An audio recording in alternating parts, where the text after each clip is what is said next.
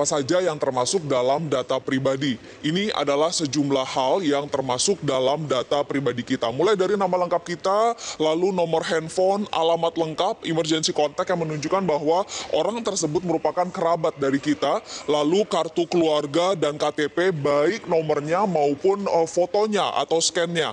Nama ibu kandung ini biasa digunakan untuk keperluan uh, perbankan, lalu foto selfie karena bisa digunakan untuk uh, otorisasi, apalagi foto selfie sambil memegang uh, identitas lain seperti KTP atau KK. Berikutnya adalah nomor rekening kita dan juga slip gaji. Nah, bayangkan jika salah satu atau beberapa data ini jatuh ke tangan orang lain yang memang berniat jahat. Mereka bisa mengajukan um, pinjaman online misalnya dengan data kita. Uang diambil entah oleh siapa, tapi kita yang datanya masuk yang harus membayar cicilannya.